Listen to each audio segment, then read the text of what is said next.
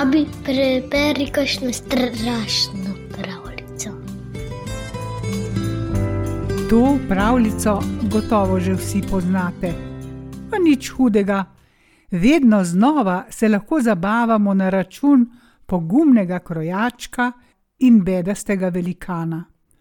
Veliko narodov ima pogumnega krojačka in njegovih sedem na en mah v svoji zakladnici pravljic, in vsaka je malo drugačna. Zdaj pa prisluhnimo pravljici bratov Grim, pogumni krojaček. Sedel je neko lepo poletno jutro krojaček za svojo mizo. Bil je dobre volje in je šival na vse pretege. Pa je prišla po cesti branjevka, ki je klicala: Kupite marmelado, sladko marmelado! To je bilo našemu krojačku milo slišati. Pokukal je s svojo drobno glavico skozi okno in poklical branjevko: Kar sem gor, ljuba žena, tu najdete kupca. Ženska je odšla s svojo težko košaro po tistih treh stopnicah k krojaču in je morala odpreti vse lonce pred njim. Vsakega je pogledal, ga vzdignil, pritisnil nos oben ter na zadnje dejal: Mezga kar dobro diši. Odtehtajte mi jo, ljuba žena, petdeset gramov lahko pa je tudi cela deka, ne gre za to. Branjevka, ki je upala, da bo našla dobrega odjemalca, je odtehtala, kar je zahteval, ter srdito godrnjaje odšla. Ta sladkarija mi bo dobro dela, kar pokrepčala me bo, je vzkliknil krojač, vzel kruh iz omare si čez cel hlebec odrezal kos in namazal marmelado nanj. To bo prava slaščica, je rekel. A najprej moram končati tole kamižolo, preden se lotim jedi. Odrinil je kruh od sebe, šival dalje in od samega veselja delal če dalje večje šive. Medtem pa so muhe, ki jih je bilo vse črno po stenah, začutile duh po sladki marmeladi. Duh jih je privabil in v celih rojih so posedle na njo. Šement, kdo vas je pa povabil? je zaupil krojaček ter zapodil nepovabljene goste. Muhe pa niso razumele človeške govorice in se niso dale pregnati znova so prišle v še večji druščini. Tedaj pa je krojačku vendarle sveta jeza prekipela, kakor pravimo. Čakajte, pokažem vam, je vzkliknil in pograbil je cunjo z mize ter neusmiljeno udaril po muhah. Ko je dvignil krpo in preštel, je ležalo pred njim nič manj kot sedem muh z iztegnjenimi nožicami. Krojaček je ostrmel. Kaj, takšen junak si?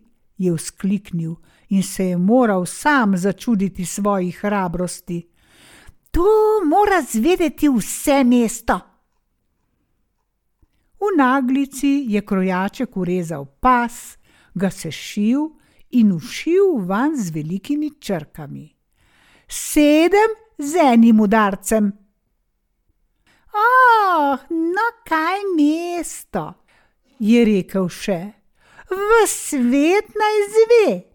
In od veselja mu je poskakovalo v prsih srce.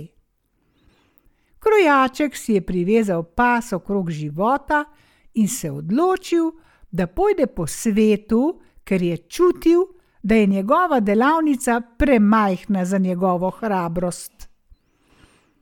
Pred odhodom pa je pogledal po hiši, ali bi našel kaj, kar bi lahko vzel s seboj.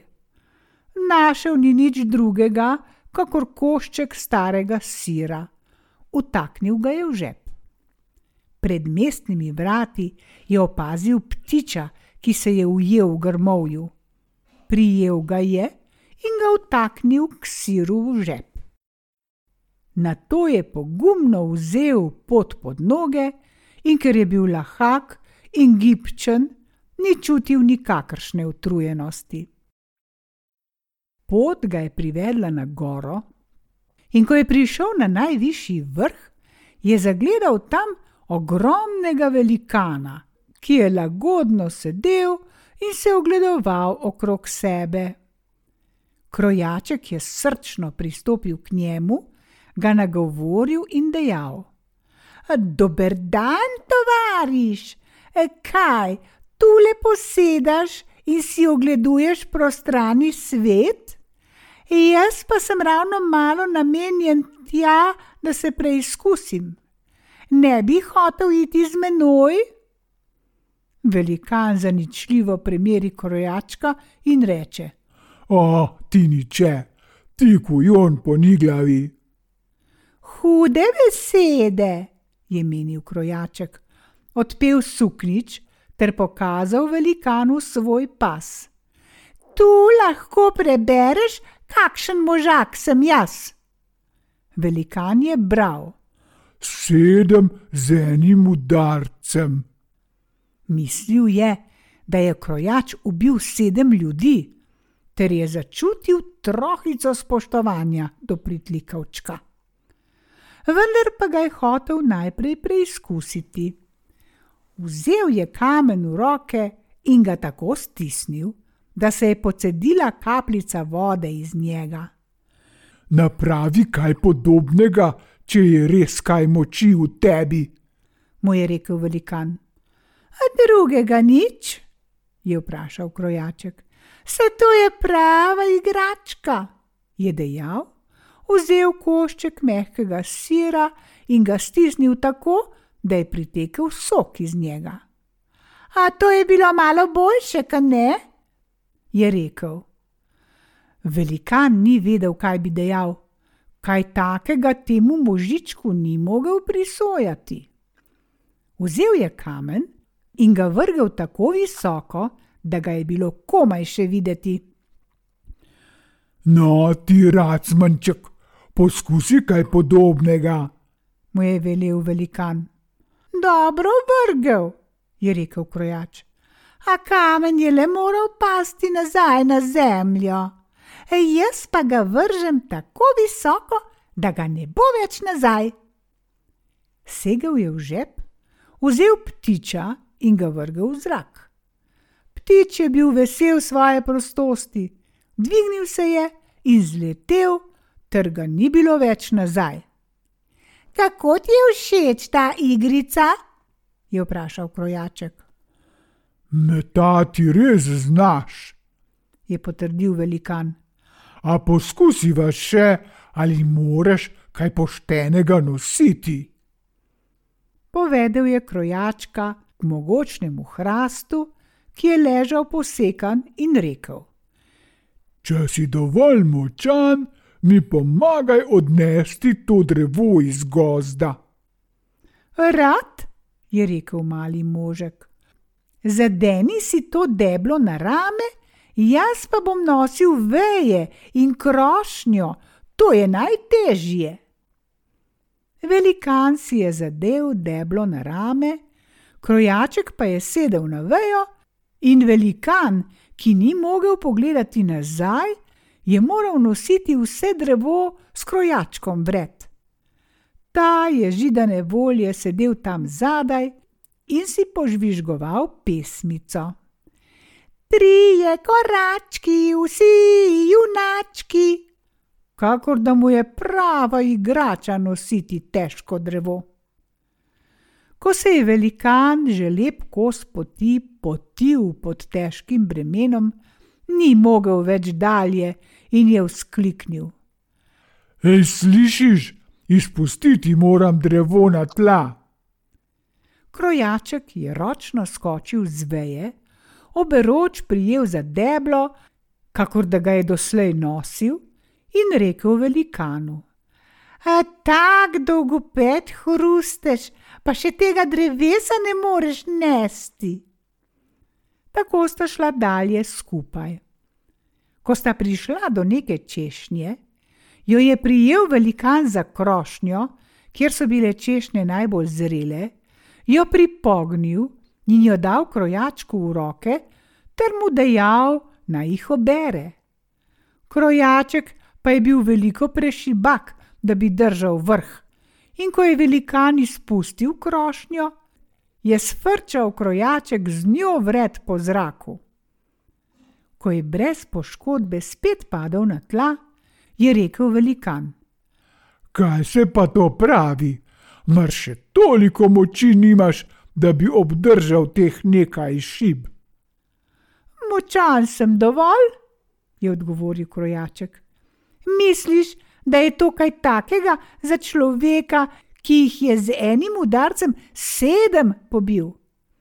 Preskočil sem drevo, ker streljajo tam doli lovci v grmovje. Skočiš še ti tako, če znaš. Velikan je poskusil skočiti, a ni mogel preskočiti drevesa, temveč je obtičal v vejah. Tako je bil krojaček spet v premoči. Velikan mu je dejal: Če si res tako pogumen fant, pojdi z menoj v našo votlino in prenoči pri nas. Krojaček je bil voljan in je šel za njim. Prišeči v votlino, sta našla tam še druge velikane, ki so sedeli pri ognju. Slehrni je imel pečeno jagnje v roki in ga obiral. Krojaček je pogledal okrog sebe in pomislil: Tu je pa malo bolj prostorno, kakor v moji delavnici. Velikan mu je odkazal posteljo in mu rekel, naj leže in zaspi. Krojačku pa je bila postelja prevelika, zato ni legel vanjo, marveč se je stisnil v kotiček. Prišla je polnoč in velikan je mislil, da krojaček trdno spi. Vstal je, vzel velik železen drog ter s silnim zamahom razbil posteljo na dvoje. Prepričan je bil, da je slednjič pokončal to krojaško kobilico.